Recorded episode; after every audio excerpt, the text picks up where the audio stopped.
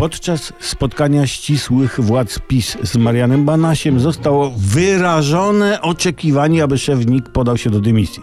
Zostało wyrażone oczekiwanie. Jak, jakże kulturalne sformułowanie, prawda? Bierzmy przykład.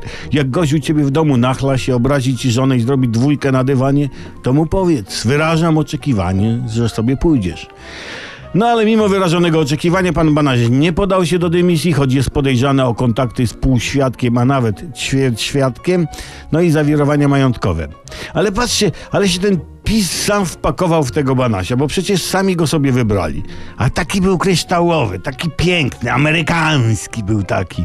No chcemy cię Banasiu, bądź nasz Marianie, krzyczeli. Masz fajną kamienicę, odwiedzimy, dig, dig, bum.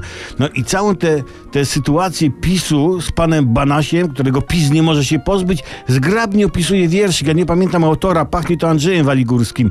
Złapałem sejerza, do kieszeni im schował, com się go takiego syna później nawyjmował.